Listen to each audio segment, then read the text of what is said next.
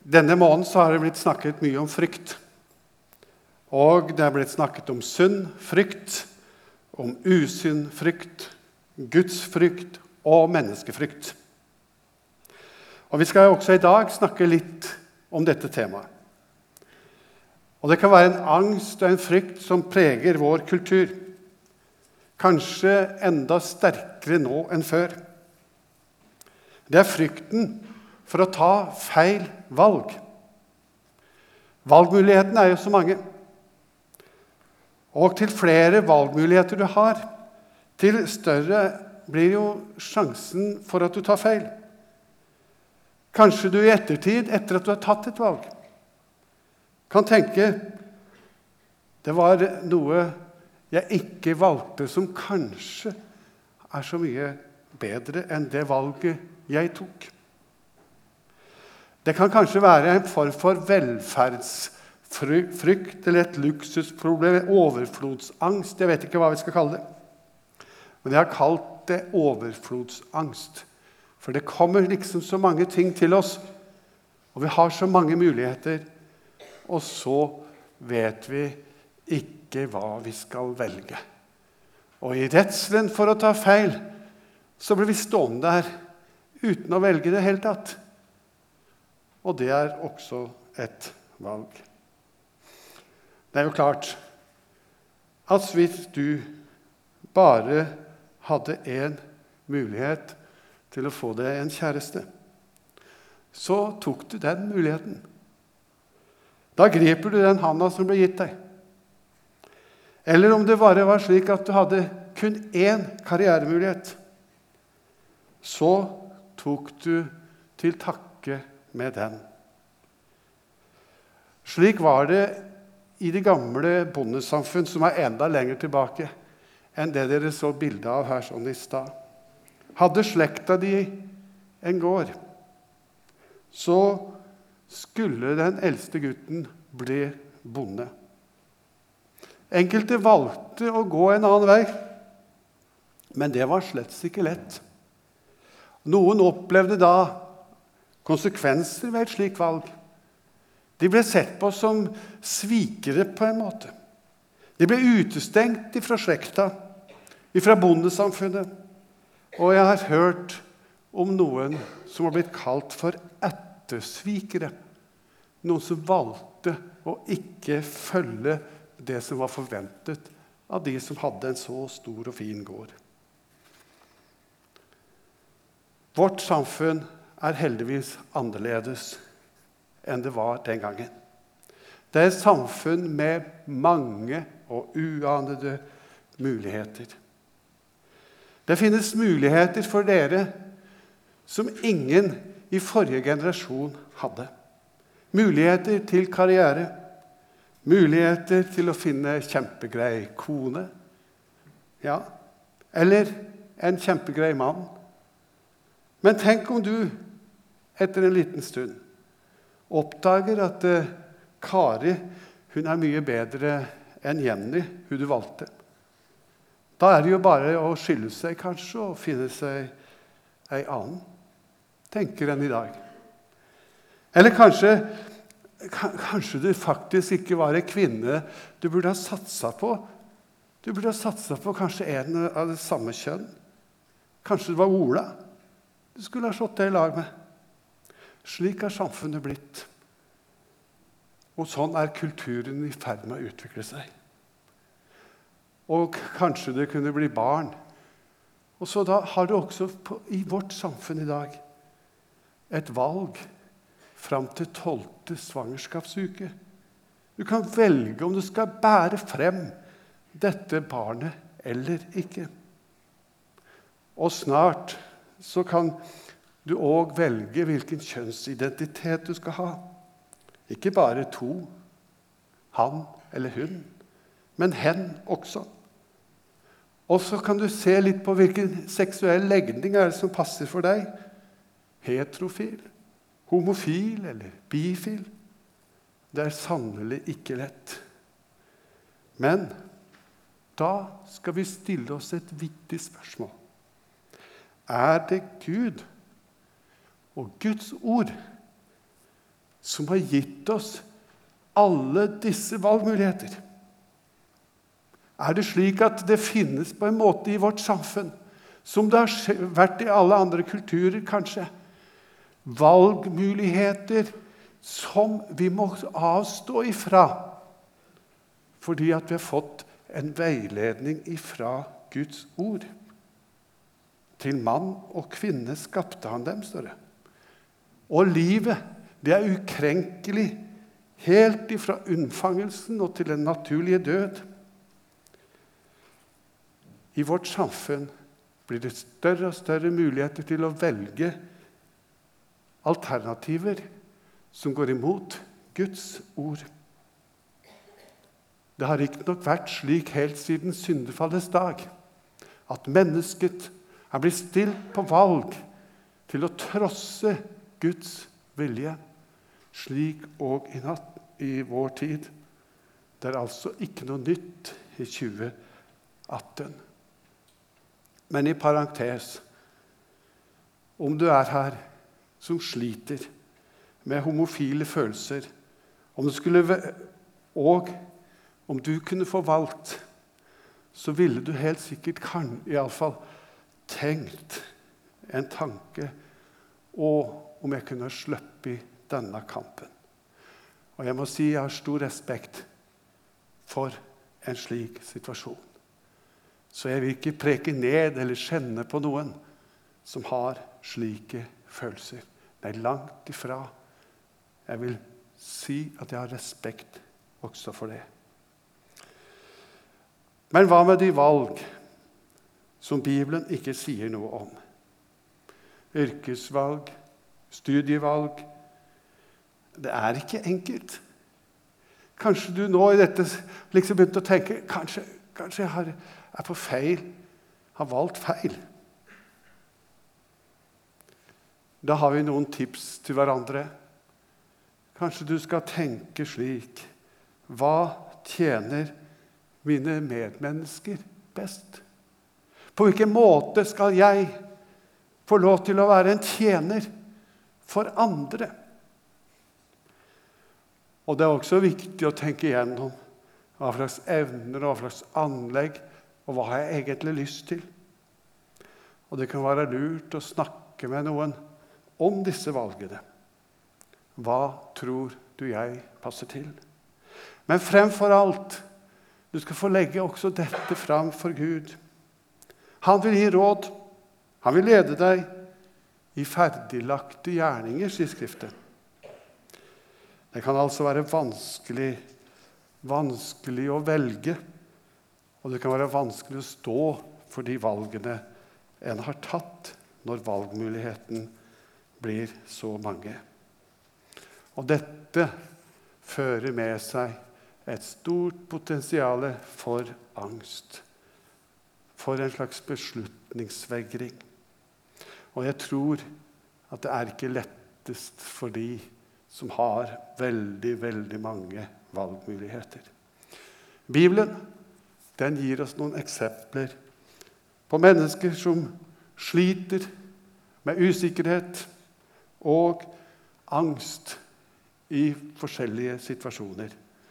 Og Gideon, som vi nå skal se litt på, han er en av dem som sleit, som hadde det vanskelig fordi han var så usikker foran et stort oppdrag. Han fikk kall til å være leder for en stor hær. Denne hæren skulle jage et nabofolk, midjanittene, ut fra Israel. Og Gud velger Gideon til å lede denne hæren.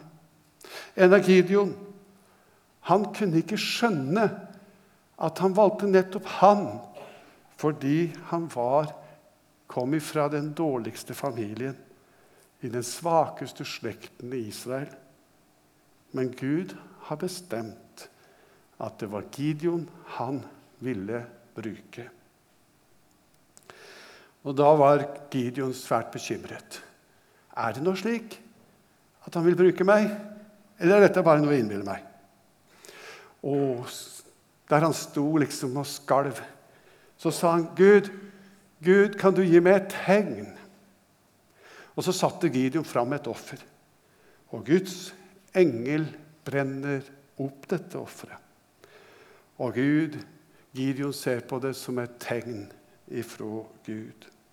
Og han tilber da Gud som Herre. Og så blir han litt modigere. Får litt mer frimodighet fordi han får se et slikt tegn. Og da er det Gud sier til Gideon, for å forberede ham på den tjenesten som han skulle gjøre Riv ned avgudsaltrene som er i nærheten. Og Gideon han tar mot til seg, og så prøver han å gjøre dette. Men det er betegnende for ham. Han gjør det om natten, slik at ingen skal se ham. Han var feig, og han var kalt av Gud. Og han ville så gjerne gjøre tjenesten, men han ville gjøre det så anonymt som mulig så ingen, ingen skulle se ham. Og etterpå så samler han seg en hær og er nesten helt klar til å følge Guds store kall. Men da rammes han på nytt av denne usikkerhet, av denne angsten. Og han trenger enda flere tegn ifra Gud før han går i krigen. Og først etter to tegn til så får han frimodighet. Og nå går vi inn i teksten fra Dommerne 6. Da sa Gideon til Gud, om du vil berge Israel ved min hånd, som du har sagt, se så hit. Nå legger jeg denne nyklipte ullen her på terskeplassen. Faller det dugg bare på ullen mens hele marken er tørr, da vet jeg at det er ved din hånd du vil berge Israel, slik som du har sagt. Og slik gikk det. Da Gideon sto opp neste morgen og vred opp ullen, presset han så mye dugg ut av den at det ble en skål full av vann. Da sa han til Gud, la ikke vreden flamme opp mot meg om jeg taler enda en gang. Jeg vil gjerne gjøre prøven med ullen en gang til. La nå ullen alene være tørr, mens det faller dugg på hele marken. Og den natten gjorde Gud det slik. Ullen holdt seg tørr, men hele marken var duggvåt. Gud ga ikke opp Gideon, sjøl om han var usikker. Og han ville bruke Gideon i sin tjeneste, selv om han var så feig. Og Det syns jeg er noe å tenke på for oss alle sammen. Gud kan bruke oss sjøl om vi er både redde, usikre og feige. Og Gud gir Gideon den bekreftelsen han trenger for å stå i tjenesten. Og vi, vi skjønner etter hvert når vi leser dette, at Gud vil bruke Gideon, og at Gideon forstår at Gud bruker han. Og det er ikke han selv det er ikke Gideon selv som skal være i fokus, men det er Gud. Om du, sier han, vil berge Israel ved min hånd Likevel så er Gideon på mange måter mer opptatt av sin svakhet, at han er liten og svak, enn at det er Gud som skal gjøre denne tjenesten. Han ser ikke at det er Gud, som er verdens skaper, som skal lede hæren gjennom ham. Slik er det mange som tenker. Vi ser det mange ganger i Bibelen, og vi kan se det hos oss også.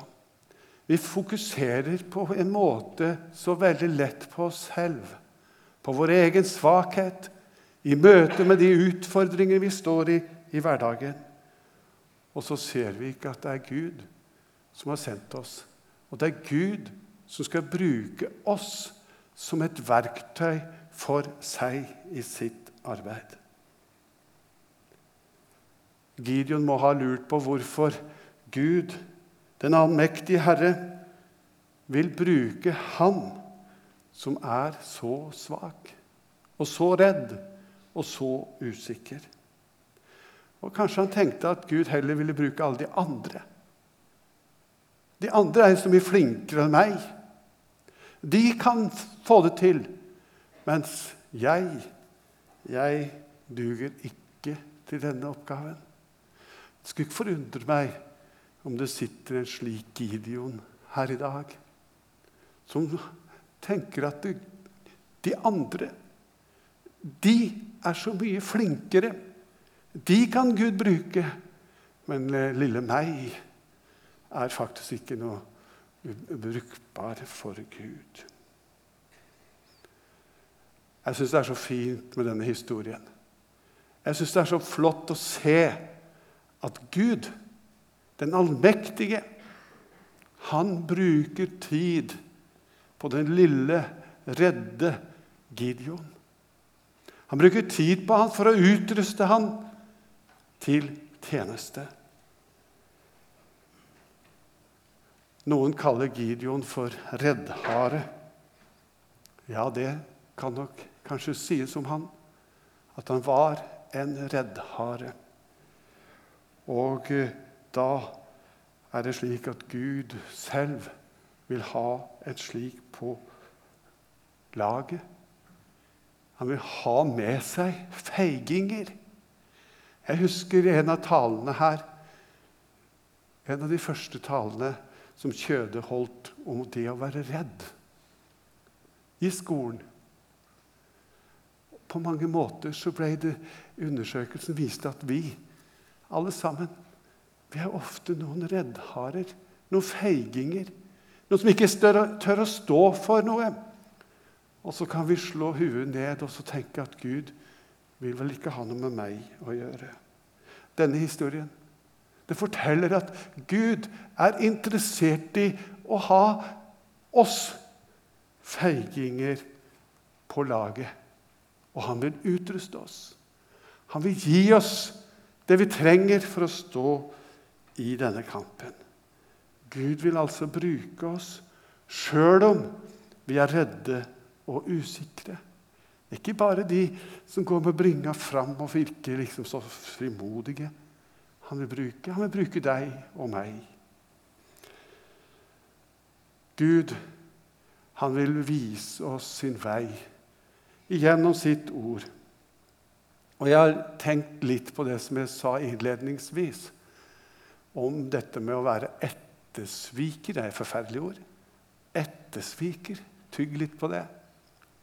Det var det jeg altså sa om de som ikke tok gårdens alvor, eller bondens kall, på alvor, men ville reise til byen og ta utdannelse og gjøre noe annet. De ble sett på som et slags svikere mot etta. Et negativt ladet uttrykk på mange måter. Men hvis du tenker igjennom det, så hadde dette noe med seg. Et perspektiv over seg. Det at ditt liv er faktisk har en hensikt utover akkurat de årene du skal leve. Det gjelder å ta vare på gården og gjøre det lettere for neste generasjon. Det gjelder å ta vare på det som forfedrene har dratt sammen og vunnet. Det var noe positivt omkring en slik tanke. Og når du og jeg skal tenke litt i en åndelig sammenheng, så er vi også satt inn i en sammenheng som går utover oss selv. Som betyr noe mer enn akkurat de få årene vi skal gå her. Bibelen sier at vi er en utvalgt ett. Et kongelig presteskap. Et hellig folk. Et folk som, Gud, som Gud har vunnet, dere som skal forkynne hans storverk. Han som kalte dere fra mørket og inn i sitt underfulle lys. Det er faktisk slik at du hører til en ett. Og når du er en del av denne etten, så er, har du en hensikt som går utover deg selv. Som går lengre, som går videre. Du skal være med og forkynne hans storverk. Du skal være med og bringe hans rike videre. Jeg tror ikke det er riktig å tenke så mye i de baner som Gideon gjorde. At vi skal prøve Gud på en måte i alle spørsmål med noen ulldotter her og litt forskjellig sånn. Men hvordan skal vi da kunne velge riktig? Hvordan kan vi ta rette valg? Jo, jeg tror det har noe med at vi har en grunninnstilling. Først og fremst at livet vårt har en betydning utover oss selv. En mening å fremme Guds vilje her på jord. Det er det første vi skal tenke på. Og da er det slik også at om du er snekker, rørlegger eller teolog Du kan få være misjonær uansett hva slags yrke du har. Her en dag så var det en som jeg kjenner, som hadde besøk av en rørlegger. Denne rørleggeren gikk med et kors. Og så var denne som hadde bestilt rørleggeren, en kristen og litt frimodig. Eh, 'Unnskyld, men mener du noe med dette korset?' spurte Tenk å få det spørsmålet, ja. Da svarte vedkommende, 'Ja, det gjør jeg'. Og så blei det et vitnesbyrd. Mens han rota i skitne rør, så fikk han fortelle om Jesus. Så en rørlegger i Norge, i Oslo, kan være en like god misjonær som en teolog i Mongolia. Det er viktig å tenke på. En liten oppsummering. Gideon fikk spesialbehandling av Gud. Det får du òg. Gideon fikk spesialbehandling av Gud. Det skal du få i din tvilsituasjon, i din nød, i den situasjonen som du er usikker. Så skal du få lov til å være klar over at du er Guds eiendom. Du er verdifull, og han vil ta vare på deg. Men du skal òg spørre deg selv i kveld om du lever i overensstemmelse med Guds vilje med ditt liv. Ut ifra dette store perspektivet. Om du lever sammen med Jesus. For det er det Gud vil med ditt liv. At du skal bli frelst. At du skal leve med Han. Og du skal tjene Han. Han leder deg altså igjennom at du finner et tett forhold til Han. Og så leder han deg aldri på tvers av sitt ord. Så vil jeg også føye til at om du sliter, så vær ikke redd for å snakke med noen om det. Også i kveld blir det muligheter for å søke forbønn og snakke med noen som kan gi deg råd og tips, og du kan få lov til å be over slike ting. Over de store spørsmål om at Gud må ta seg av deg og lede deg. Jeg kjenner ikke dere, men jeg tror jeg med ganske stor treffsikkerhet kan si én ting om de fleste her. Iallfall kan jeg si det om meg selv.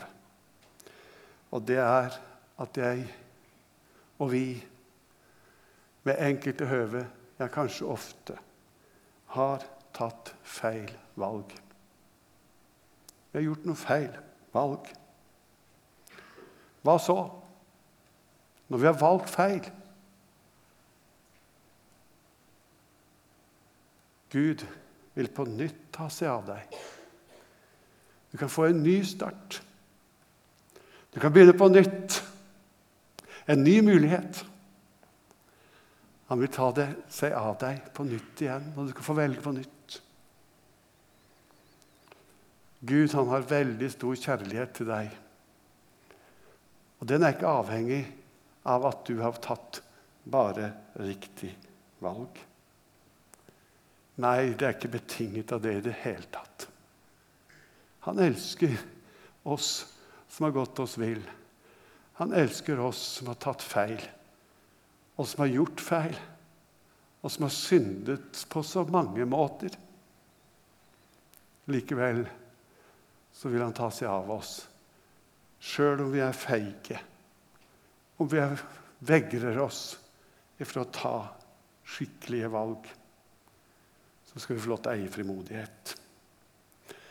Tre små bibelløfter helt til slutt. For det første For vi er Hans verk, skapt i Kristus Jesus til gode gjerninger, som Gud på forhånd har lagt ferdige for oss for at vi skulle vandre i dem.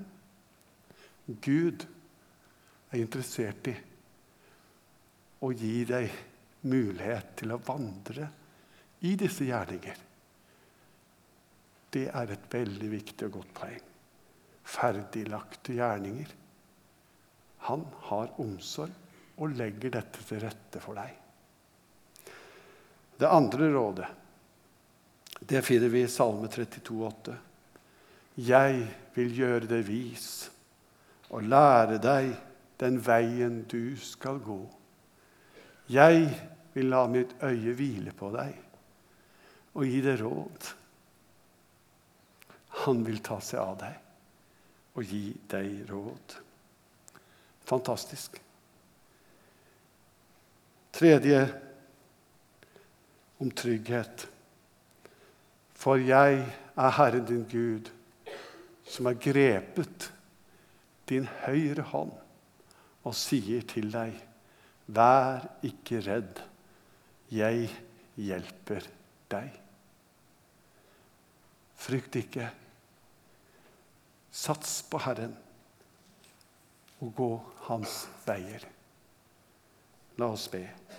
Gode Gud, vi priser ditt navn for at du bryr deg om oss. Sjøl om vi mange ganger tar feil valg, gjør feil handlinger, sjøl om vi synder daglig i tankene våre, ord og handlinger, Sjøl om vi kjenner en onde lyst i vårt hjerte, så bryr du deg om oss. Du tilgir oss, du renser oss, og du vil ta oss med vår høyre hånd og lede oss.